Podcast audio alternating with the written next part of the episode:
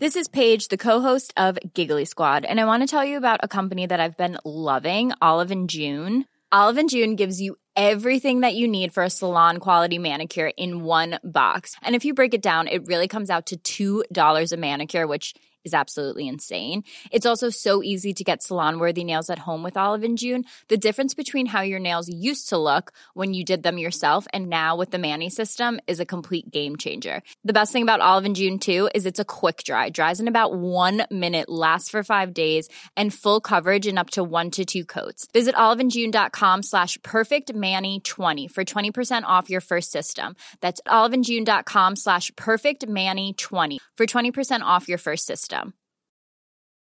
There's never been a faster or easier way to start your weight loss journey than with PlushCare. PlushCare accepts most insurance plans and gives you online access to board-certified physicians who can prescribe FDA-approved weight loss medications like Wigovi and Zepbound for those who qualify. Take charge of your health and speak with a board-certified physician about a weight loss plan that's right for you. Get started today at plushcare.com slash weight loss. That's plushcare.com slash weight loss. plushcare.com slash weight loss. There's never been a faster or easier way to start your weight loss journey than with PlushCare. PlushCare accepts most insurance plans and gives you online access to board-certified physicians who can prescribe FDA-approved weight loss medications like Wigovi and Zepbound for those who qualify. Take charge of your health and speak with a board-certified physician about a weight loss plan that's right for you. Get started today at plushcare.com slash weight loss. That's plushcare.com slash weight loss. plushcare.com slash weight loss.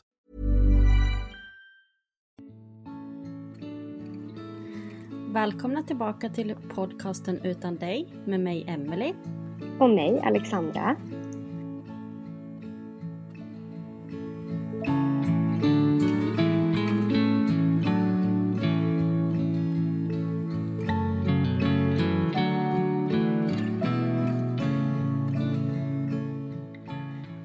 Idag har vi en gäst med oss som heter Sara. Välkommen! Tack så mycket! Vi har med dig via länk. Eh, Mm. Och det är ju värt att nämna ifall att ljudkvaliteten svajar något också. Mm.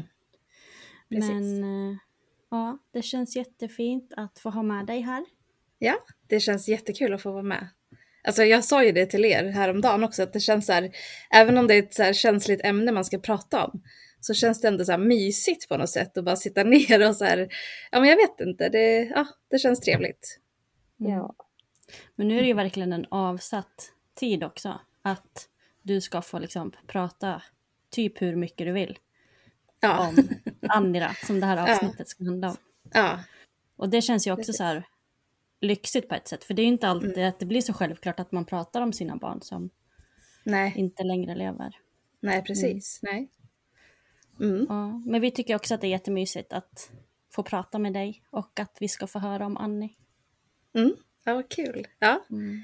Ja, jag, jag pratar gärna om henne, men i så här, perioder eller typ när jag bestämmer själv. Lite sådär. Men eh, jag försöker bli lite bättre på att prata om henne också.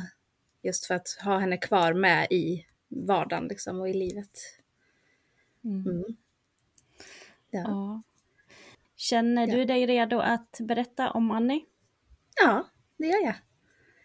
Jag vet bara inte riktigt var jag ska börja, men jag, jag har ju två barn då. Eh, Leo som är nio nu och sen Annie som, eh, ja, hon dog för lite över ett år sedan eh, när hon var fyra. Eh, ja, men eh, jag hade ju längtat så här jättemycket efter en dotter. Jag, alltså, jag vet inte, det kanske är lite tabu att man önskar sig ett visst kön, men jag hade ju fått eh, Leo och så vill jag jättegärna ha en dotter. Det har liksom hängt med från när jag var liten, så här, men att jag vill ha en av varje. Så, där. så jag var jätte, jätte ja, lycklig över att jag skulle få min lilla tjej. som ju, ja, An eller Leo var den som bestämde att hon skulle heta Annie sen också. Men, ja. men ehm, jag var väldigt lycklig så här, att jag skulle få henne. Sen var det ju lite så här, tufft när man fick andra barnet i början med alltså, lite så här, förlossnings eh, depression och så här och det blev lite, ja, så det var inte så här lika mycket på moln kanske som det var med Leo heller. Men eh, det, ja, det gick ju bättre med tiden och så här och det var också lite problematiskt med henne i början för hon, alltså hon hade något problem med dykarreflexen heter det. Så hon fick så här att den, eh, den stängdes eh, ibland typ så att det, hon inte fick någon luft som blev så här röd och blå i ansiktet. Så vi fick ju rusa in med henne flera gånger till akuten så här, och tänkte så här, nu dör hon liksom. Men eh, ja, det gick, det gick ju bra. Så ju längre tiden gick, desto lättare blev det liksom med henne också för att ja, de där problemen minskade och sådär. Men sen när hon närmade sig två år, då började hon så klaga på ont i magen. Och då, ja, då tänkte vi ju mycket så här att ja, men barn gör ju det. Det är ju lite så här, ja men jag har ont i magen för att de inte vill äta eller vad det nu kan vara. Men eh, sen till slut så blev hon ju jättesjuk och så här hade feber och spydde galla och ja, mådde jättedåligt utan att hon egentligen var förkyld. Så vi förstod ju liksom inte vad det var. Så då fick vi åka in eh, och då fick vi ju det där eh, jätte beskedet liksom, om att hon hade tumörer på njuren. Um, så det, var, det kom ju som en, en chock. Um, och i början klandrade jag mig själv jättemycket för att hon hade ju sagt att hon hade ont i magen och hennes mage var ju svullen men jag tänkte liksom, ja men det är ju bebis mage eller sådär. Men eh, då var det liksom en jättetumör, typ stor som en knytnäve på njuren. Så då drog ju hela balunset igång direkt med liksom, ja, behandlingar med, med cellgifter och operationer och biopsier och sådär. Och sen så hade vi ju det i två år ungefär, med att vi bodde i princip på sjukhuset i två år två års tid med liksom flera återfall. Det hann liksom, behandlingarna hann inte ens bli klara innan hon fick återfall. Så att, ja.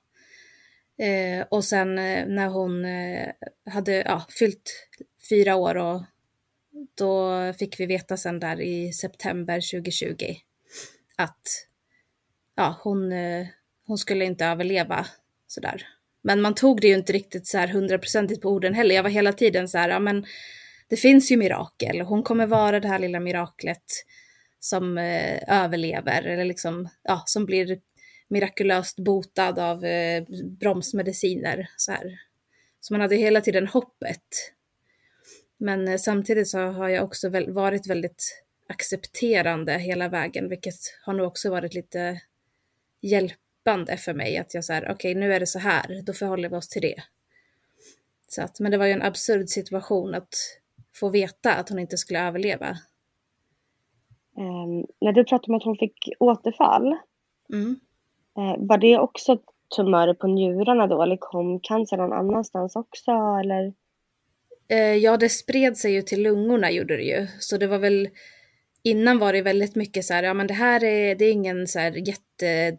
Vi fick ju höra typ att så här, ja men det här är den bästa cancern man kan få som barn. Alltså Ungefär som att, så det är lugnt. Men jag var ju redan, alltså det går ju inte att säga så till en mamma som har fått veta att hennes barn har cancer. Alltså man tar ju inte in det. Det är ju bara så här, för mig var det bara cancer, det är död liksom.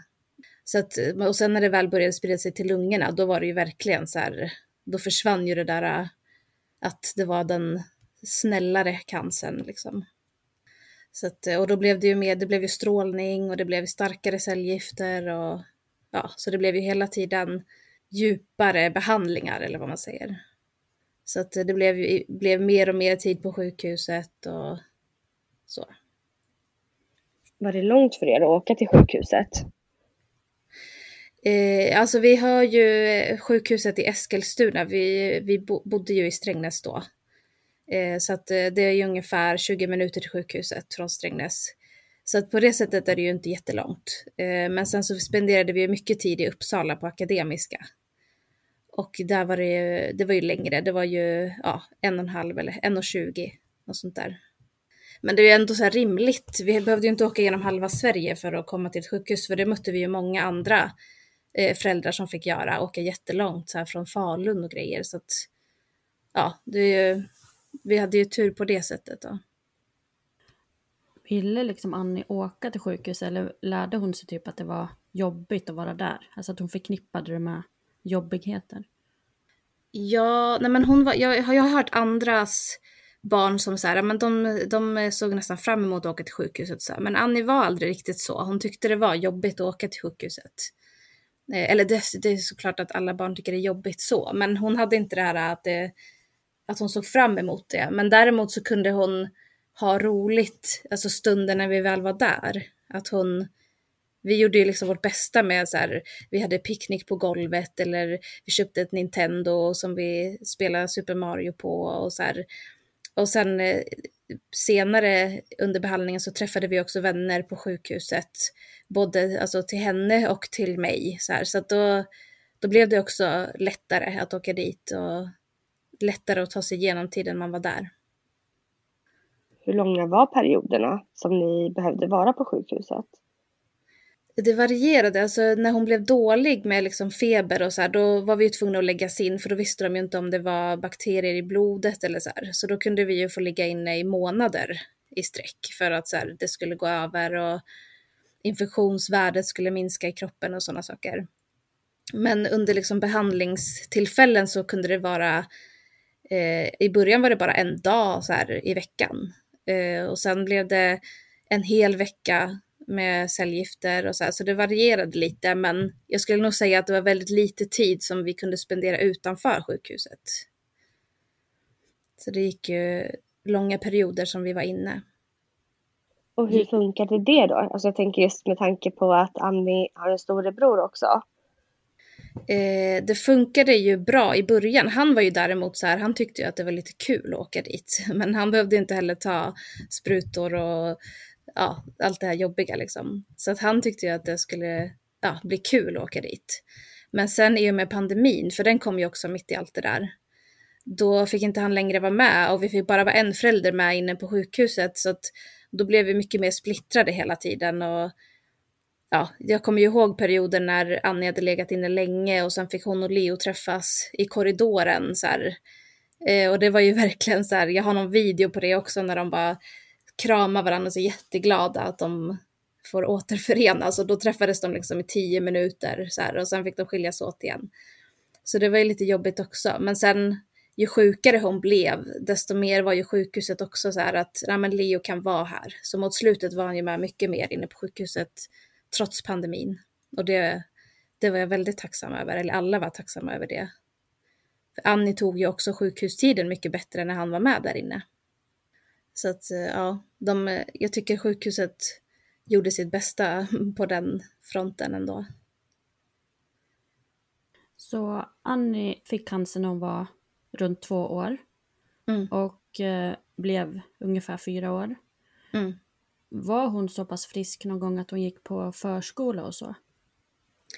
Eh, hon, alltså hon gick ju på förskola innan Eh, och hon älskade det verkligen, så det var ju något hon saknade sen när hon var sjuk. Hon pratade mycket om att hon ville tillbaka dit och hon ville börja skolan och sådana saker.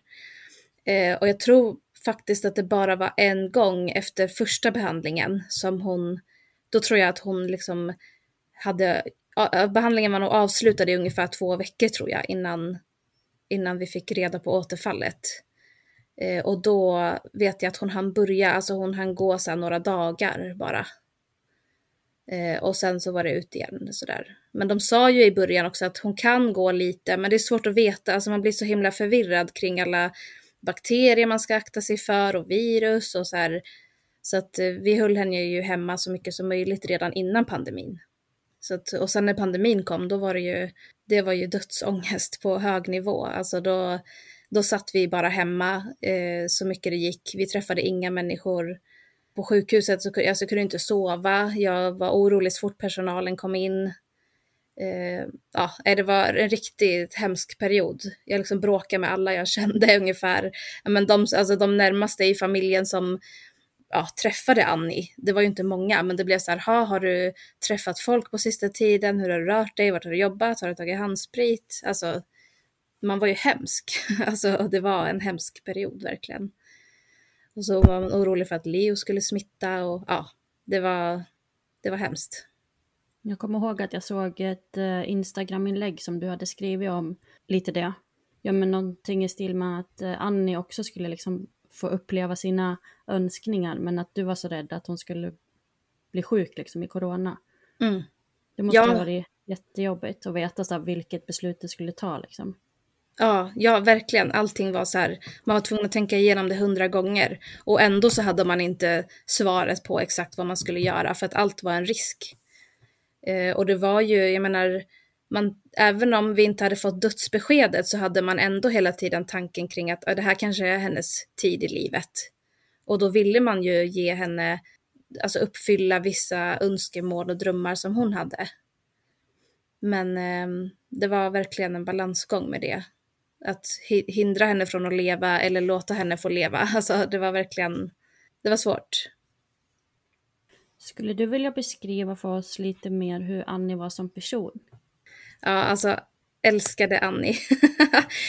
Nej men alltså hon var verkligen den mest kärleksfulla människan. Och jag säger människa därför att jag tycker det går inte ens att så här, säga barn för att ja, hon var den mest kärleksfulla människan som jag någonsin träffats Och hon var så givmild med sin kärlek. Till, ja, men till dem, eller till alla tänkte jag säga, men till dem som hon älskade. Och väldigt så här, eh, omtänksam och lillgammal. Men jag tror att det här lillgamla kan ha kommit också med just, alltså hon blev ju tvungen att växa upp lite med allt på sjukhuset och sådär. Men eh, verkligen unik. Jag vet att jag tänkte många gånger så att hon, det, det låter kanske konstigt att säga så, för alla barn är ju liksom unika och speciella på sina sätt. Men jag tänkte att så här, hon är för speciell, eller det kändes som att så här, hon är skickad till mig en stund för att hon är så speciell och någon kommer att liksom ta henne sen. Alltså jag hade hela tiden den känslan. Um, och jag, det är klart att alla föräldrar tycker att sina barn är liksom de bästa och finaste och så här, men det, hon gav mig någonting som ingen annan människa någonsin har gett mig i alla fall. Så mycket kan jag säga. Så att ja, väldigt sådär och bestämd, eh, men ändå lugn och jordnära. Ja, hon gav verkligen en speciell känsla till de som var i hennes närhet. Och mycket skratt. mm. De här önskningarna som vi pratade om precis innan. Mm. Eh, vad var det för önskningar som Annie hade? Ja, hon drömde mycket om så här, hon ville ju, djur var ju, hon älskade djur. Så hon eh, ville ju gärna komma nära så många djur som möjligt på Kolmården till exempel. Och så här, eh, delfinerna var ju en dröm, hon ville få klappa delfinerna. Eh, och det fick hon ju, alltså hon fick göra det två gånger till och med. Så det var verkligen så här, ja det var en dröm som faktiskt gick i uppfyllelse som hon hade. Men sen tror jag mest att det var så här, alltså vanliga vardagsgrejer som man ju inte kunde göra på grund av pandemin och rädslan för bakterier och sånt där. Så det var mycket så här, hon tyckte jättemycket om att gunga, alltså gå till lekparken och gunga. Eh, och det fanns ju perioder när man inte ens vågade det och så här, tills man började sprita gungorna och så här och då vågade gå dit lite mer. Men eh, och sen så var det ju det här med kalas eh, och, och förskolan skulle jag säga. Alltså att hon ville leka med andra barn det var en väldigt så här, stor längtan som hon hade. Och det var ju inte, det gick ju inte, alltså man kunde ju inte samla så många barn med henne. Men vi, vi hade ju ett femårskalas för henne och det var ju efter vi fick veta att, eh, att hon skulle dö. Då var det bara så här, ja men hon ska få ha ett kompiskalas. Så då samlade vi några barn fast att det var pandemin och så här.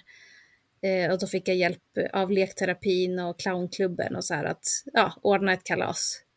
Och det, var, det är ett av de bästa minnena jag har verkligen. Hon var så nöjd på något sätt. Ja, jag minns hennes liksom, ansiktsuttryck hela det kalaset. Att hon fick ett litet kalas. det var fantastiskt. Och så fick hon ju gå in i en leksaksaffär också och plocka på sig leksaker. Det känns ju som allas, eh, alla barns dröm typ. Det är typ som man drömmer om det själv liksom. Att få gå in och plocka på sig. Men så hon eh, fick göra det. Men då var hon ju mer så här Leo, kolla, det här hittar jag till dig och Leo, det här kan du ta. Så hon letade leksaker till Leo liksom. Så till slut fick vi säga till henne så här, men leta åt dig själv. ja, så det var, det var också en fin, ett fint minne. Men alltså mina bästa minnen med henne egentligen, det är ju bara när jag hade, alltså hon och jag hade egen tid eh, någon dag i veckan så här. Eh, och då, alltså när man, vi hade en plan för hur vi skulle lägga upp tiderna lite med barnen och så här för att ja, för att man skulle få ut så mycket som möjligt allihopa med tiden med henne. Eh, och då tyckte vi att egen tid var ju ändå viktigt, så vi hade stunder av egen tid. Och de, de dagarna är verkligen mina, det som jag håller närmast om hjärtat. För då var det, bara hon och jag, alltså vi gjorde inte ens någonting speciellt alltid. Det var så här, kolla lite på tv eller så här, men så brukade vi sova middag tillsammans en stund och så här hålla handen och bara vila en stund tillsammans och det är verkligen och just då kunde jag ibland känna så här, men gud varför vilar jag nu? Jag måste ju diska och plocka och så här. Men nu när jag tänker tillbaka så bara, fan, nu svär jag också, men fan vad glad jag är att jag bara unnade mig de där sovstunderna med henne. Alltså för det är så fantastiskt att tänka tillbaka på. Så ja, sån är jag. det låter ju som att det var helt rätt beslut tycker jag. Ja, mm. faktiskt. Så en hälsning till alla. Ta och sov middag, alltså det är värt det. Mm. Det är skönt och det är härligt. Ja, ja det där diskberget, det kommer man aldrig liksom ångra Nej. att man tog eller inte tog liksom. Det är en Nej. skitsak i längden. Ja, verkligen. Mm. Mm. Men hur var det för Leo att veta att eh, Annie var så sjuk? Eh, och liksom hur var det för er att prata med han om det? Ja, det var svårt för att det var hela tiden en balansgång mellan att hon var så liten och han var äldre. Så man var tvungen att tänka på vad man sa också för att eh, jag vet att det var många som frågade så här, men har ni berättat för henne att hon ska dö och så här och det var lite svårt just för att hon var så liten för vi fick rådet om att inte så här, Eh, du, du kommer dö. Alltså så här, för att det är svårt att förstå det när man är fyra år. Och man vill inte slita bort eh, hoppet som en fyraåring har heller. Så det var hela tiden en balansgång kring vad vi kunde säga och, och vad vi inte skulle säga. Det var jättesvårt. För samtidigt så måste man ju vara ärlig också. Man kan ju inte låtsas som ingenting. Eh, så det var riktigt svårt. Men under sjukdomstiden så jag vet faktiskt inte hur mycket vi pratade egentligen med barnen om det. För när jag tänker tillbaka nu så kommer jag, jag kommer inte ihåg så mycket mer än att så här, ja, ah, Annie är sjuk igen, nu ska vi ta mediciner. Alltså så här, eh, det blev liksom en del av vardagen. Jag kan väl önska lite nu kanske att man hade pratat om det mer. Men det är svårt i stunden att veta hur man ska göra också. Men det är klart det var svårt för honom och jag vet att han fick en del eh, så här, påhopp i skolan om att så här, ja men så här, ja, man dör ju av cancer, alltså lite sådana där kommentarer och så. Så att han hade det ju tufft, det hade han. Och jag tror att eh, det som var jobbigt för honom, det kunde jag nog inte riktigt ta tag i förrän efter Annie var död. Alltså det var som att fokus var hela tiden så mycket på, nu är Annie sjuk, det är det vi ska ta hand om nu. Och sen när hon var död så var det liksom så här, men gud, alltså Leo har ju verkligen hamnat, eh, alltså blivit åsidosatt. Så då, var det, då tog jag tag i mycket mer grejer som hade med honom och skolan och så att göra. Och prata mycket mer, alltså jag har lärt mig mycket, alltså, eller lärt mig, men jag har blivit mycket bättre på att prata med honom om Annie och döden och sorgen och sådär. Men det var inte självklart heller från början, utan det är något jag har fått öva på. Eller vi har övat på det tillsammans kan man säga. så här. För han har också behövt öva på det lite. Att, för det är ju bra, alltså för barn framförallt är det ju bra att, att våga prata om det de tänker och känner. Om ni pratar om Annie nu liksom, brukar ni fantisera att hon är någon annanstans eller hur, hur ser ni liksom framför er att hon är nu? Eh, jo men vi, alltså oftast när vi pratar om Annie så är det mycket så minnen om, ja men kommer du ihåg när vi gjorde det här eller när Annie sa det här eller eller mycket så här, det här hade Annie tyckt om, eller nu hade Annie blivit sur, eller alltså lite sådana där grejer. Eh, men ibland så kommer vi väl in lite på, eh, Leo är ganska bra på att så här, ja nej men hon, hon börjar ju skolan i himlen i år. Så här, alltså han, han, han tycker det är lite, medan en annan är så här, ja nej men det, jag är så ledsen nu för att Annie skulle börja skolan i år. Och han, han liksom bara tar det som ingenting och säger, men hon börjar ju skolan ändå. Alltså sådär. Så att eh, det är klart att himlen är ju alltså ett samtalsämne. Jag har försökt att säga, men det kanske inte är himlen, det kanske är något annat, vad tänker du så här? Men han, han säger himlen, det har liksom blivit det. Så att, och då tycker jag att då är det väl så. Ehm, skulle du vilja berätta lite om Annis sista tid i livet? Mm, det kan jag göra. Ehm, vi fick ju veta att hon hade ungefär tre till fyra månader kvar eventuellt att leva ehm, och sen, men det var bara alltså, två månader på ungefär dagen efter, alltså två månader på dagen så dog hon efter att vi hade fått veta att, att hon skulle dö. Så att vi hade ju två månader och det var ju en absurd tid, kommer jag ihåg, för att det var mycket så här, okej, okay, nu, det här är det vi får med henne nu. Alltså de här månaderna, vad det nu är, två, tre månader. Eh, hur fyller vi dem och liksom hur njuter vi av dem? För att det enda som surrade i huvudet var ju så här, okej, okay, hur ska, ska man överleva det här? Alltså hur ska jag kunna fortsätta, alltså utan henne? Så det var väldigt absurt att försöka tänka, okej, okay, happy life, två månader av all in, samtidigt som man tänkte liksom att okej, okay, livet är slut. Hur, eh, alltså, väldigt så här, konstig tid. Jag skulle inte säga att jag mådde bra eller kunde njuta. Eh, men jag tycker att Annie ändå var, alltså hon var ju väldigt levnadsglad och jag tyckte det började märkas på henne själv att hon, det kändes som att hon förstod på ett sätt. Även fast hon var så liten och man inte liksom så här, ja ah, du, du kommer dö eller så här, utan men det var ändå som att hon sa, ja men hit kommer jag ju inte att komma igen. Eller jag kommer ju inte eh, börja skolan. Alltså det var lite så här som att hon visste att, ja, att hon inte skulle fortsätta leva på något sätt. Eh, men ändå så levnadsglad. Alltså hon sprudlande och det var ju sista veckorna som hon började eh, få ondare och liksom ja, inte orkade så mycket. Man fick bära henne hela tiden. Och... Så att eh, sista en och en halv veckan tror jag av hennes liv, då, då bodde vi på sjukhuset i Eskilstuna. Och det var, alltså vi fick ju välja om hon skulle dö hemma eller på sjukhuset. Eh, och då var vi lite så här, ja men det är väl det är jätteskönt om hon kan få dö hemma. Men sen så började hon ju få lufthunger och dödsångest och då var det bara så här, nej men det kändes bara tryggt att vara på sjukhuset då. Det kändes ju som att de kunde hjälpa till bättre än att man skulle gå hemma med det där och ha panik, för man sov ju inte. Man höll ju koll på hennes andning hela tiden. Och jag kommer ihåg att det var sån absurd känsla att så här, jag var så rädd hela tiden för att hon skulle dö och så här, hur håller jag henne vid liv ungefär? Samtidigt som jag visste att det hela tiden gick ju mot att hon skulle dö. Så det var så här, man, jag gav aldrig upp den här liksom att jag skulle rädda henne. Även fast jag visste att det inte skulle gå på något sätt. Så det var, det var en, en eh, jättekonstig tid skulle jag säga. Den tiden efter att vi fick veta att hon skulle dö. Väldigt svårt att förhålla sig till.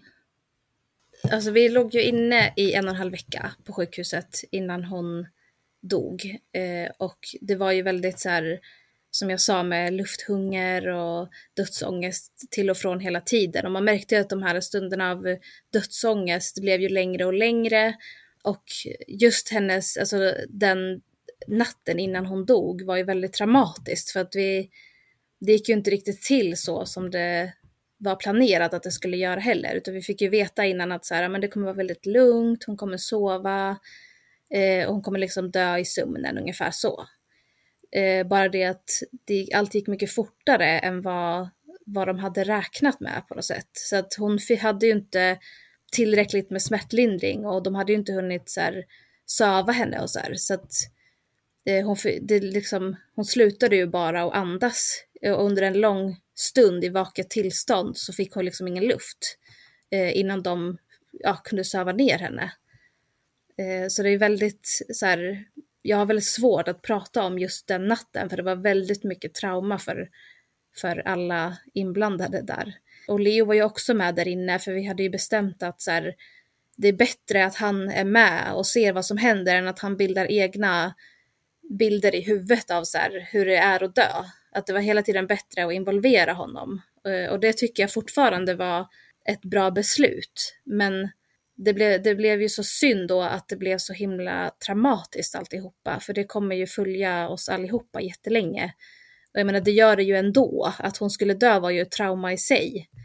Eh, och sen den här liksom paniken och ja, det som hände då under den stunden var ju eh, ett, alltså ytterligare en grej då på allt det andra kändes det som. Eh, men sen väl, när de väl hade lyckats söva henne så här, då tog det ju någon timme Eh, och sen så, så slut, då sov hon ju och sen slutade hennes hjärta slå. Så att själva dödsögonblicket blev ju ändå lugnare då. Vill du beskriva lite kort dödsångest? Alltså vad innebär det och hur liksom märks det? Ja, alltså hon, hon fick ju ingen luft och eh, hon fick, man såg ju liksom paniken i hennes ögon. Man kan tänka sig själv att om man försöker andas, men det går inte. Man kan liksom inte ta ett andetag. Eh, och liksom hur ögonen bara, ja, det, det är en syn som jag eh, har mardrömmar om liksom. Det, det är hennes blick Eh, att hon, hon tittar ju på en så här, snälla, alltså hjälp mig, rädda mig, ge mig luft. Och så kan man inte göra någonting. Eh, det är verkligen alltså mitt, mitt värsta minne från det där. Eh, och det är det jag menar med dödsångesten, liksom att man såg att hon tänkte själv att, ja, eh, hon tänkte så här, nu dör jag liksom. Och det var jobbigt också för att jag, det hände ju, det blev så någon dag innan att hon eh, alltså syrgastuben tog slut. Eh, så att hon fick så här panik, att hon inte fick något syre.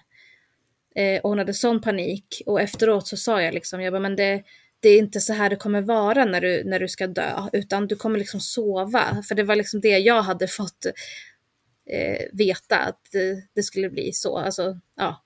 Eh, så att det har ju förföljt mig också sen, att så här, det blev ju på ett sätt som att jag ljög för henne, att så här, du, du kommer sova när du dör och sen så blev det inte alls så. Eller ja, sista stunden blev det så, men just det här innan, att hon, det var ändå en lång tid, alltså det var 15 minuter som hon låg och inte kunde andas innan de kunde söva henne.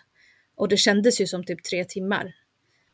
Det minnet förföljer mig också, som att jag liksom ljög för henne lite precis i slutet. Så här. Ja. Samtidigt så kan jag ju känna att det var på ett sätt bättre, att hon kunde vara lugn, än att hon var hela, hela tiden skulle oroa sig för det där. Så kanske jag ändå lyckades lugna henne lite, hoppas jag. Så jag, ja, det, det är en jobbig eh, känsla i alla fall som jag, som jag brottas med.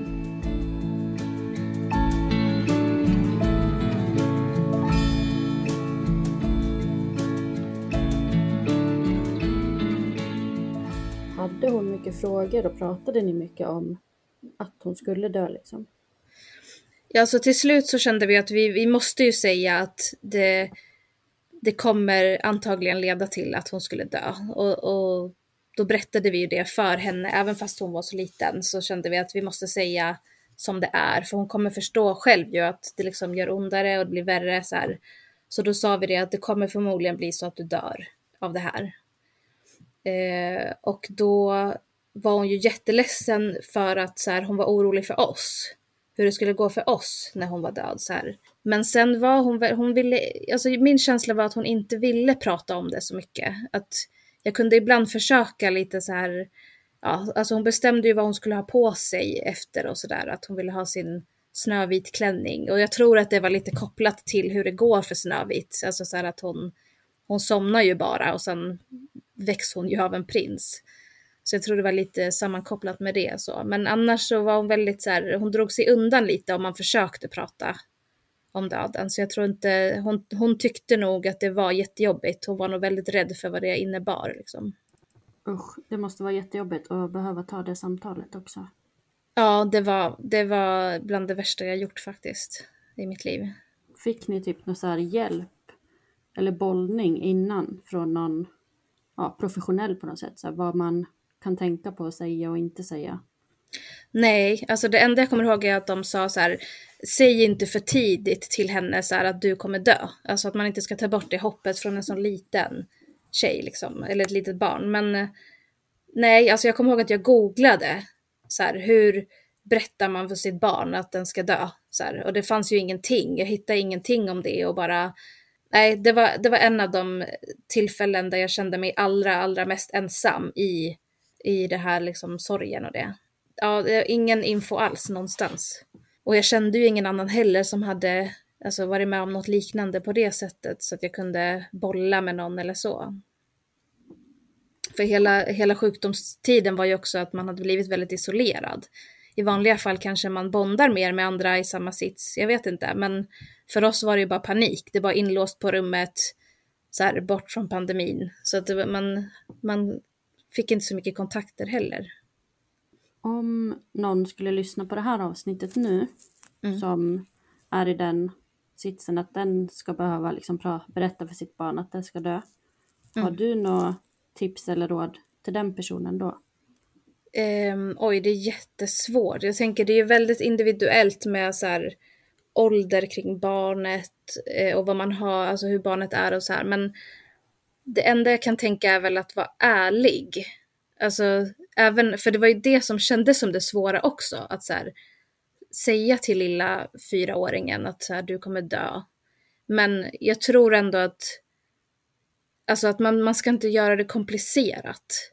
Utan bara så, på ett språk som ett barn förstår, men, men inte så här eh, att man ska linda in det i fina ord eller så här, ja ah, du kommer somna in eller Alltså det blir bara jättekonstigt för det var då somna och så här, det förstår ju inte ett barn. Det är bättre att bara så här, ja, men samtidigt, ja, jag vet inte, samtidigt vill man inte ta bort hoppet helt heller så det är, det är jättesvårt. För att man vill ju inte, för man är ju inte säker heller förrän man vet ju inte förrän man dör att man dör, eller så här. Men eh, ja, nej men jag, jag tror på det som doktorn säger, alltså förmedla det till barnet typ.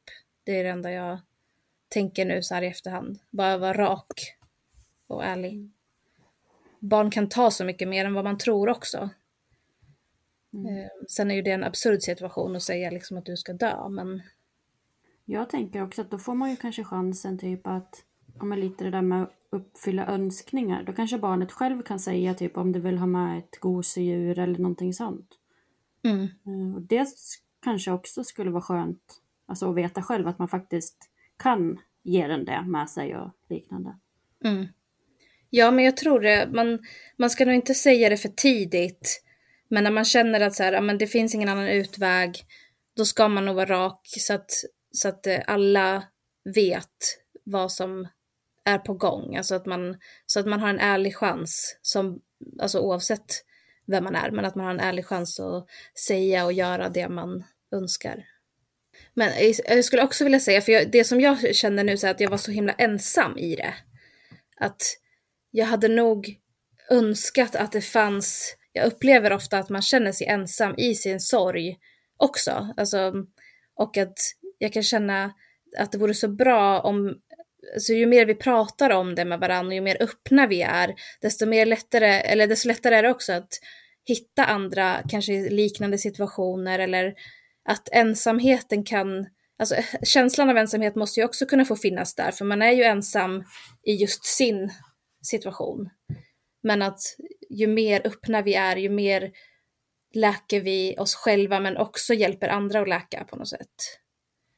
Eh, och det var lite det i den här situationen också, att jag kände mig ju helt ensam i det. Och det hade varit skönt att på något sätt eh, kunna prata mer eller höra om andras liknande situationer. Eh, men hur var tiden efteråt, sen efter att Annie hade dött? Ja, alltså efteråt var ju jättekonstigt. Jag kommer inte ihåg så mycket mer än att det kändes absurt att så här, jaha, nu ska man planera begravning. Så här, jaha, nu får jag brev från Försäkringskassan att så här, jag kommer inte få barnbidrag längre. Och så här, när man loggar in på försäkringsbolaget så bara, jaha, nu har jag bara ett barn. Alltså mycket så här konstiga, det gick så himla snabbt allt sånt. Så här, hon fanns och sen helt plötsligt så fanns hon inte i systemet och ingenstans och det var, man skulle planera begravning. Så det var en väldigt absurd situation att behöva ta tag i sådana grejer direkt. Eh, samtidigt så blev det ju att man ville få begravningen gjort då för att man så ja, jag vet att jag måste ha det, jag måste göra det, då vill jag bara få det ur världen liksom. Um, så vi planerade ju begravningen, men jag, jag, tycker nog inte att jag, jag la inte min själ i att göra det till världens bästa begravning liksom, utan jag ville bara så här, ja, nu vill jag få det gjort. Så vi hade lite rosa och lila blommor och så fick man ta på sig någonting rosa eller lila så här. Och sen så hade vi någon som sjöng och spelade hennes favoritlåtar. Typ så. Ja, men det var väldigt eh, absurt. Jag kommer ihåg att jag ville strunta i att gå på begravningen. Alltså jag funderade ärligt talat på att skita i det. Eh, men sen så var det så här, men jag, jag, jag kände för min skull och för Leos skull att så här, men jag, jag måste försöka, typ. Men alltså jag hade verkligen inte klandrat någon som inte klarar av att gå, för det, nej, det var så hemskt innan och ja, fruktansvärt. Var det några av de här eh, familjerna som ni hade lärt känna på sjukhuset som också var med där på begravningen? Eh, ja, vi träffade ju en familj inne på sjukhuset som vi blev jättenära vänner med och deras dotter blev ju jättenära vän med Annie, så det blev liksom hennes första och enda bästis på något sätt som hon kunde umgås med, för vi kunde ju liksom, vi träffades ju inne på sjukhuset och kunde umgås lite så där inne. Eh, och annars så hade vi ju inga vi kunde träffa i princip. Så att det blev ju, vi blev väldigt tajta. Eh, så de, de fick komma. Eh, och jag tyckte det kändes bra också att den tjejen fick komma, alltså deras barn, eh, för att se, säga hejdå till Annie. Eh, och det var, det var skönt för Leos skull också att hon var där. Alltså, jag tror att det gör ändå mycket att man känner att man inte är enda barnet på begravningen liksom, utan att de kunde eh, de kunde göra sin alltså barngrej, barnsorg, eller ja, som ju är mer genuin på något sätt än för oss vuxna. Jag menar, jag stängde ju in allt. Jag visade ju typ inte en känsla. Jo, men jag grät, men verkligen inte som jag tänkte så här, jag kommer skrika och jag kommer ligga på golvet och, och allt det hade varit rimligt också. Så här, jag tänker att hur man än reagerar så är det rimligt. Eh, men jag stängde in väldigt mycket och bara stängde av nästan. Medan barn gör ju inte det. De liksom bara, de släpper ju ut det som kommer för stunden känns det som och så här. Så det var fint att han hade, en, ja, att han hade kompisar också där då. Eh, så att han inte var enda barnet. Och plus att de lekte ju jättemycket efteråt sen och det var, det var ju också befriande för alla, tänker jag. Alltså, det var skönt för oss att se att de skrattade och lekte. Eh, så vi fick lite lättsammare stämning efteråt på lunchen liksom och så här. Men det var så begränsat, alltså vi fick ju inte bjuda hur många vi ville heller för pandemin. Så först var det ju så här att ja, ni får bjuda åtta personer. Och det var så här, okej, okay, men åtta personer, det är liksom inte ens, alltså det är ju inte ens vi, alltså nästan så här kändes det som. Då hade vi typ fått ta, ja men, våra föräldrar max. Um, men sen så ändrade de sig precis en stund innan och då fick vi ha 20 personer. Så att det var ju, det var ju väldigt begränsat och jag kommer ihåg då att jag tyckte det var jättefrustrerande. Jag ville ju bara så här, jag ville inte sätta någon gräns utan jag ville ju bara att de som ville komma skulle få komma. Men samtidigt nu när jag tänker tillbaka så kan jag känna att det var rätt så skönt också. Att det blev så intimt och litet. För som sagt så vill jag inte ens ha begravningen kändes det som. Och ja, det var skönt då att vi, att det var så lugnt. Vi var så få. Man behövde inte mingla runt med jättemånga och liksom, jag ville ju bara vara för mig själv. Men tycker du att det har varit jobbigt att träffa andra barn i Annis ålder? Ja, jag tycker det går i perioder. Eh, att jag kan tycka att det är härligt vissa stunder eh, på ett sätt. Men sen många stunder skulle jag säga också att det är jobbigt. Att det blir så här, ja men jag vet inte, man kanske kan kalla det för avundsjuka. Jag antar att det blir en slags avundsjuka. Och inte att jag inte önskar att deras barn alltså fick leva. Det är klart att de ska leva. Det är ju inte att jag önskar att de dog istället eller sådär, men det bara blir en så här, fan min dotter skulle ju också leva. Alltså lite den känslan. Så ja, men jag tycker, alltså åka till skolan och sådär är också jobbigt, alltså för Leo går ju i skolan. Eh, så jag tror att jag många stunder undviker nog att röra mig runt där det finns andra barn faktiskt. Om jag ska vara. A lot can happen in three years, like a chatbot may be your new best friend. But what won't change? Needing health insurance. United Healthcare Tri Term Medical Plans, underwritten by Golden Rule Insurance Company, offer flexible, budget friendly coverage that lasts nearly three years in some states. Learn more at uh1.com. I'm Sandra, and I'm just the professional your small business was looking for. But you didn't hire me because you didn't use LinkedIn jobs. LinkedIn has professionals you can't find anywhere else, including those who aren't actively looking for a new job but might be open to the perfect role, like me. In a given month, over 70% of LinkedIn users don't visit other leading job sites. So if you're not looking on LinkedIn, you'll miss out on great candidates like Sandra. Start hiring professionals like a professional. Post your free job on linkedin.com slash achieve today. Mm. Kan den känslan också komma lite om man ser andra canceröverlevare? Barn som har haft cancer och sen bli friskförklarade. Är det också jobbigt? Nej, där tycker jag nog inte att jag gör någon skillnad på alltså barn och barn på det sättet. Eh, utan eh, alltså det är bara allmänt eh, flickor skulle jag säga, alltså barnflickor som gör att jag kan känna att det känns tungt. Eh, och sen eh, så här, om det är överlevare eller sådär, det gör, det gör ingen skillnad på på det sättet, utan det är bara jobbigt för att jag känner att mitt barn skulle också få springa runt och leka och komma med sin nya ryggsäck till skolan och liksom, ja, sådär. Ja, och det är ju liksom fullt förståeligt att det känns så liksom. Mm. Jag tror att vi alla änglaföräldrar känner ju likadant liksom på något sätt. Mm. Eh, sen så är det ju viktigt att man kan lyfta det. Att det liksom mm. är okej okay att känna som man känner liksom. Ja men verkligen. Det håller jag verkligen med om. Och jag tycker, jag tycker typ det med allt. Så här, det finns så mycket grejer som är tabu. Och jag försöker att vara så här öppen med det eh, det som är, känns tabu. Därför att jag vill inte, jag tror att det är ganska, eller det är ganska mycket i hur jag är som person. Det här med att jag accepterar saker väldigt snabbt för vad de är. Och jag, jag typ respekterar någorlunda, det är klart att jag inte alltid gör det, men jag respekterar mina känslor och tankar och tänker så här, okej, okay, nu kom den här tanken och den kanske låter helt absurd, men jag fick den faktiskt. Och, och alltså, så att jag har den tanken och då, då kanske jag inte är ensam om att ha det heller. Alltså förstår ni hur jag menar? Att, för jag menar det har ju kommit mycket med så här, ja men gud älskade jag Annie mer än Leo? Alltså, alltså sådana känslor, det är ju verkligen så här, men gud hur kan man ens... Och, och det, det är sådana tankar som har kommit som jag har känt, gud det här kan man ju inte ens säga högt. Men så säger jag det högt ändå för att så här, men jag kan inte vara den enda som tänker så. Och det är ju så det funkar, alltså man har ju olika kärlekspåsar till sina barn, så det handlar ju inte om att älska mer eller mindre, utan det blir ju på olika sätt. Och kärleken till ett dött barn är ju så, så annorlunda, det går ju inte att jämföra med någonting annat. Eh, så därför tänker jag att alla sådana här tankar och känslor som kommer till mig som jag bara, men gud, hur kan jag tänka det här? Då försöker jag bara, ja, men då säger jag det högt. Så att jag får reda ut det. För jag tycker inte att det, kan komma några orimliga grejer i sådana här situationer, för det är en omänsklig situation. Mm. Och sorg har ju sitt uttryck hur man än försöker och jag menar tanken försvinner ju inte för att jag tänker att, men gud så kan jag inte tänka. Tanken är ju där ändå.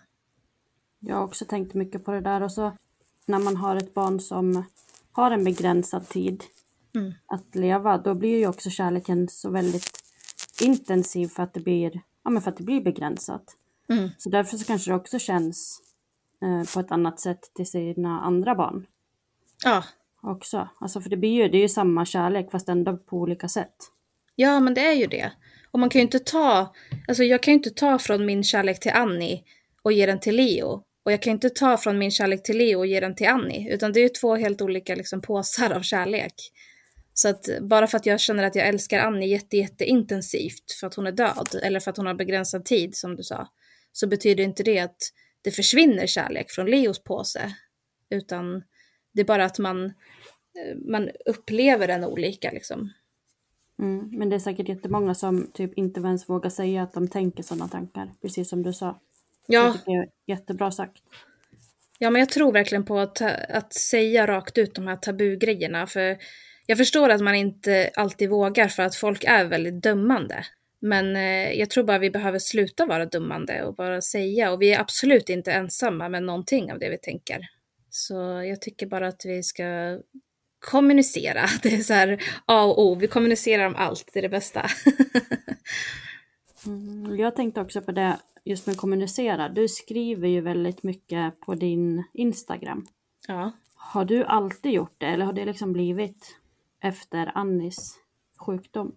Jag har ju alltid skrivit, det har jag gjort. Eh, alltså det är ju verkligen det första jag gjorde när jag lärde mig bokstäver var liksom att börja skriva dikter och böcker. Alltså jag skrev böcker när jag var liten, när jag var typ nio. Så, här. så jag har ju alltid skrivit mycket. Men jag tror att när, när Annie blev sjuk, då blev det, blev det så tydligt att jag fick någonting att skriva om. På något sätt. Eh, så då blev det ju mer att jag la upp mina, mina texter på Instagram då. Alltså, förr skrev jag nog mer i bloggen om mitt liv och så här, men det var ju väldigt vardagliga saker. Man hade ju fan inga problem förr i tiden. men sen när Annie blev sjuk, då blev det så här, ja men det här är ju verkligen, det blev ju mitt liv. Så det blev ju det jag skrev om. Det, det var nog efter det som jag liksom började dela mer djupa texter eller ja. Och du skriver ju väldigt fina texter. Och du får oh, ju väldigt tack. mycket fina kommentarer också, att många ja, men känner igen sig och sådär. Och det är ju verkligen så, känner jag också. Mm. Ja, men det, det är skönt att få den så här. För dels så blir det ju för mig då att det som vi pratade om nyss, att jag är inte ensam med att känna det här eller tänka det här. Eh, och sen så blir det att, att jag delar med mig, ger någonting till någon annan. Det känns ju verkligen, ja men det känns ju givande också i min egen läkning. Alltså också som jag sa förut, att att genom att skriva och det här så läker jag lite själv och jag kanske hjälper någon annan att läka lite och så bara blir vi lite mer läkta. Inte för att man kan bli alltså, läkt från en sån här sak, men ni förstår vad jag menar, att man kan på något sätt ta sig vidare i alla fall lite, lite lättare. Mm. Är ditt skrivande någonting som du skulle vilja jobba ännu mera med? Eh, ja men verkligen. Alltså jag, nu har jag ju varit utmattad under så lång tid i och med den långa sjuk, eh, sjukdomstiden och sen efter hennes död med sorgen och allting. Och jag fick ju aldrig chans till återhämtning under hennes sjukdomstid. Så jag har ju en jätte, jätte efterhängsen utmattning som jag dras med, vilket påverkar ju mitt skrivande. Därför att skrivande, det ger väldigt mycket men det tar också väldigt mycket energi, speciellt när man skriver om så här tunga grejer. Eh, så tyvärr så skriver jag kanske inte så mycket som jag hade önskat. Men min förhoppning är att kunna och orka skriva mer med tiden ju, ja, om, ju, desto bättre jag mår. Liksom. Så, att jag hade ju verkligen velat eh, ja, men skriva någon bok till exempel. Eller sådär. Det, det är ju en dröm jag alltid haft. Eh, jag tror inte att jag kan få mina böcker från när jag var nio så här, publicerade eller så himla, det är nog inte så rolig läsning men, men nu har jag lite så här, ja, lite större ämnen att skriva om som ändå känns så viktiga att få ut på något sätt. Jag har ju också ja. på gång lite så projekt med en webbsida och en app eh, med så här, ja men det ska handla om sorg tänker jag, alltså att sorgen inte har några gränser, det kan vara vad som helst som man känner sorg över. Som att det blir lite som en plattform där man kan skriva med varann, Eh, och man kan läsa, läsa om sorg på olika sätt. Och där tänker jag också att jag ska skriva mer eh, specifikt om sorg. Alltså blogga lite och sen skriva mina upplevelser av sorg och min syn på sorg och lite sånt där. Men det är ett projekt som eh, har hållit på ett tag som sagt, men utmattning är ju i vägen lite så att jag är ju väldigt inspirerad av er och liksom er, för ni har ju också det här att ja, men vi ska göra någonting åt det här liksom tabun runt sorg och allting. Och jag tycker det är skitbra. Alltså vi behöver jättemånga fler som er som bara så här, bara nu gör vi något åt det här. nu ska det här bli normaliserat samtalsämne liksom. Tack. Ja, jättefint att du säger det. Tack. Eh, vi har ju pratat jättemycket om just det, att vi vill liksom ta bort allt det här tabubelagda, att man ska kunna vara öppen med sin sorg och sina känslor och tankar och allt sånt här som vi har pratat om nu. Det är ja. jätteviktigt. Ja men det är verkligen det. Det har varit tabu så himla länge. Vi behöver liksom bryta det nu. Jag vet inte hur ni har känt, men jag har ju känt att tabun runt sorg har ju verkligen påverkat också hur man sörjer. Alltså jag har ju verkligen fått aktivt så här, jobba på att släppa ut min sorg och låta min sorg ta plats. För att det är inte självklart. Alltså det, man ska ju typ inte visa sin sorg om man tänker hur det har varit. Eh, så man får liksom det på också, att man kan inte bara sörja utan man ska sörja på ett visst sätt. När tiden går, liksom att man borde kanske ha kommit över situationstecken och sådär. Ja. Det är så mycket som inte liksom ens är i närheten av att vara sant. Nej, och det gör ju också att man känner så här, oj, jag mår så här dåligt nu fast det har gått så här lång tid och jag mådde ju bra nyss, varför mår jag så här nu? Och liksom, ja men det kommer ju vara så här alltid jag, jag kommer få acceptera att om, om tio år kanske jag också kommer ha en svacka, alltså där det känns tyngre ett tag. Eh, så det kommer, jag, jag, är säker på att det kommer gå upp och ner eh, för alltid, liksom mer eller mindre. Ja, och det tycker jag att vi har märkt och hört mycket från våra gäster vars barn har dött för ganska länge sedan. Eh, det kan ju mm. liksom röra sig om 15-20 år sedan, ännu mm. mer. Att de har också sina Eh, svackor fortfarande kring dödsdag, födelsedagar, högtider framför allt. Det känns som att det är det som lättast triggar. Liksom. Mm.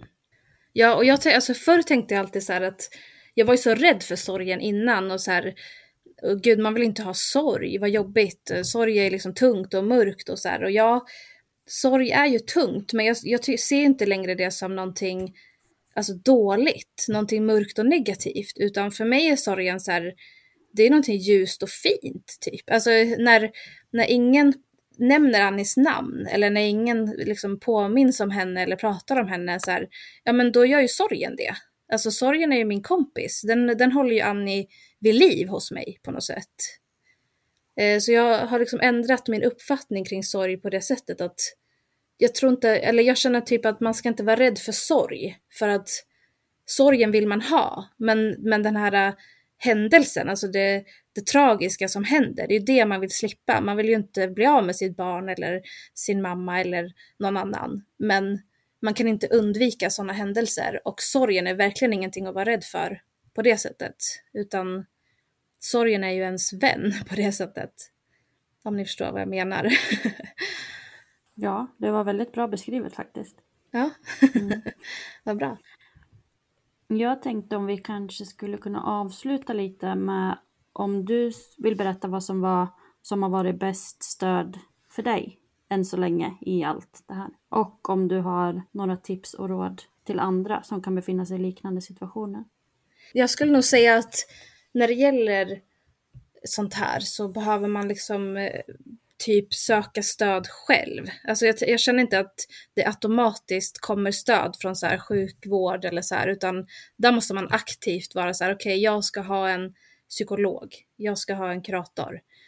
Eh, för eh, jag vet att innan, när jag hade fått veta att Annie skulle dö, då tog jag direkt kontakt med en psykolog och sa jag kommer behöva stöd efter det här. Och det var ju bra att jag gjorde det, för efter hade jag ju aldrig orkat ens tänka på att försöka Alltså, så det är ju det är väl det som är fördelen när man vet i förväg, att jag kunde liksom planera upp. För jag samlade också min familj innan och så här, okej, okay, Annie kommer dö, ni måste bo hos mig, ni måste ta hand om mig, ni måste hålla koll på mig, för jag vet inte, jag kanske kommer vilja ta mitt liv eller så här, och det ska inte få hända. Så, här. så jag liksom, jag kunde ju aktivt innan eh, rodda i mitt eget stöd på något sätt. Och jag tror att det är jättesvårt att göra när man väl sitter där i sorgen eller när man förlorar ett barn hastigt eller så här att man inte är beredd. Eh, och det tycker jag är synd. Det skulle vara mera eh, att sjukvården aktivt eh, ger hjälp på något sätt eller så här. Och det tror jag att många tror att, att det gör. För det trodde typ jag förut också. Att så här, mm. ja men om man är med om en sån grej då får man väl hjälp liksom.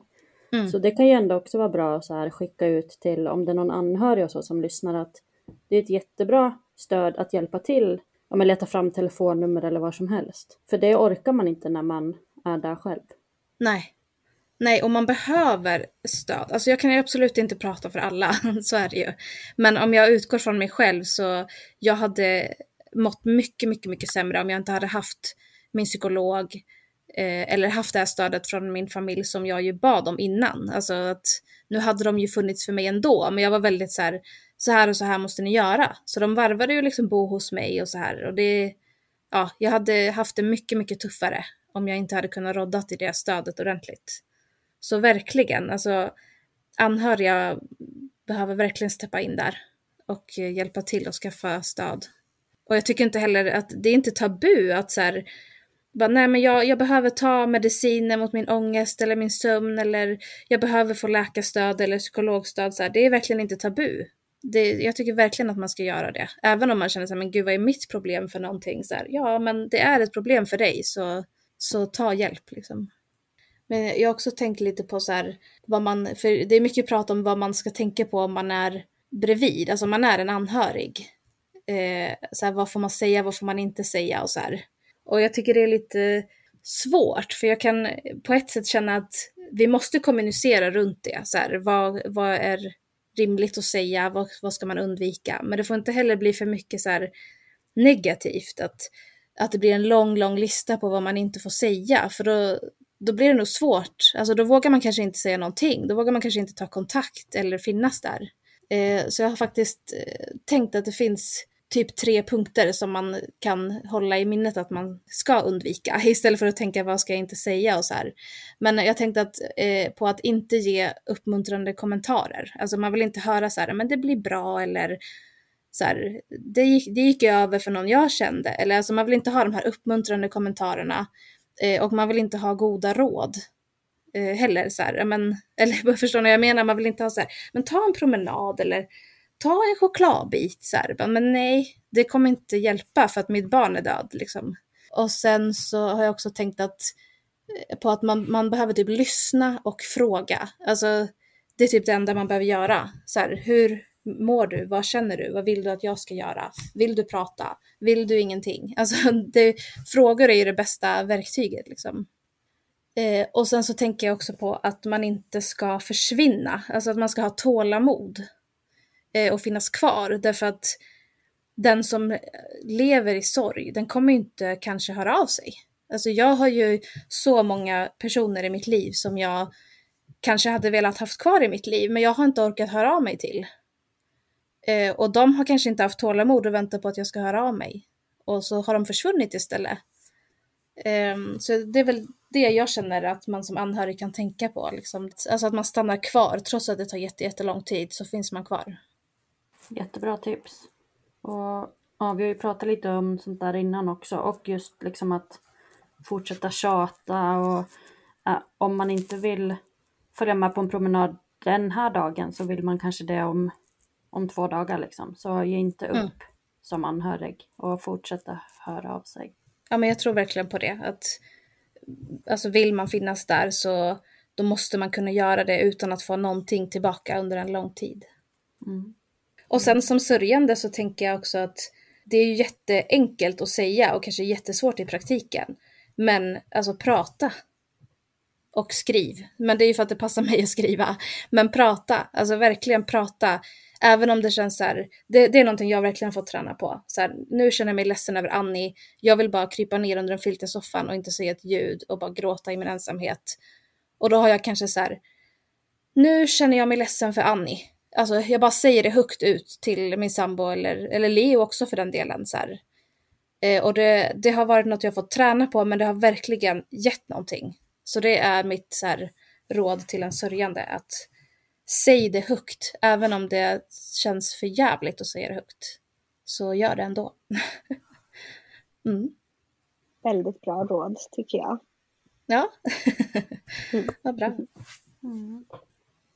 Jag kan säga en sista grej. Alltså sorg för mig, det är att växla jättemycket, jätteofta, alltså olika, ol, olika mycket frekvent, alltså hur säger man, kortare eller längre perioder mellan att vara jätteledsen och hur nere som helst med att så här, känna en otrolig tacksamhet för eh, livet eh, och, och, kärlek och att man lever liksom. Jag tycker just att växla mellan det här jätte sorgsna och det här jätte, jätte starka kärleken och tacksamheten. Det, det är liksom sorg för mig att ja, man växlar så mycket mellan det hela tiden. Mm, det är hög igenkännesfaktor på det också. Ja. Ja. ja, tack snälla du för att du har delat med dig av så fina tankar och berättelser om Annie. Ja, men tack så jättemycket för att jag fick vara med och prata om henne och, och komma med lite så tankar och sånt som jag haft hoppas att det kan hjälpa, hjälpa någon. det tror jag absolut. Mm. Och så fortsätter vi att läsa dina fina texter på din Instagram också. Ja, det tycker mm. jag. Det är jätte, jag uppskattar att få feedback där. det är jättekul. Mm. Mm. Tack snälla för att du har varit med idag. Tack själva. Tack för ert så här viktiga arbete också. Mm, det är superbra det här. ja, vi är stolta. Ja, det ska ni vara. Ja.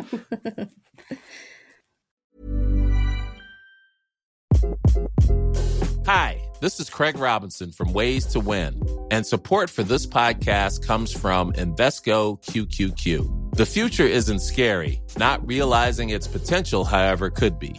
Just like on the recruiting trail, I've seen potential come in many forms as a coach. Learn more at Invesco.com slash QQQ. Let's rethink possibility. Investco Distributors, Inc. Hi, I'm Daniel, founder of Pretty Litter. Cats and cat owners deserve better than any old-fashioned litter. That's why I teamed up with scientists and veterinarians to create Pretty Litter. Its innovative crystal formula has superior odor control and weighs up to 80% less than clay litter. Pretty Litter even monitors health by changing colors to help detect early signs of potential illness. It's the world's smartest kitty litter. Go to prettylitter.com and use code ACAST for 20% off your first order and a free cat toy. Terms and conditions apply. See site for details. Imagine the softest sheets you've ever felt. Now imagine them getting even softer over time. That's what you'll feel with Bowl and Branch's organic cotton sheets. In a recent customer survey, 96% replied that Bowl and Branch sheets get softer with every wash. Start getting your best night's sleep in these sheets that get softer and softer for years to come. Try their sheets with a 30-night guarantee. Plus, get 15% off your first order at bowlandbranch.com. Code BUTTERY. Exclusions apply. See site for details.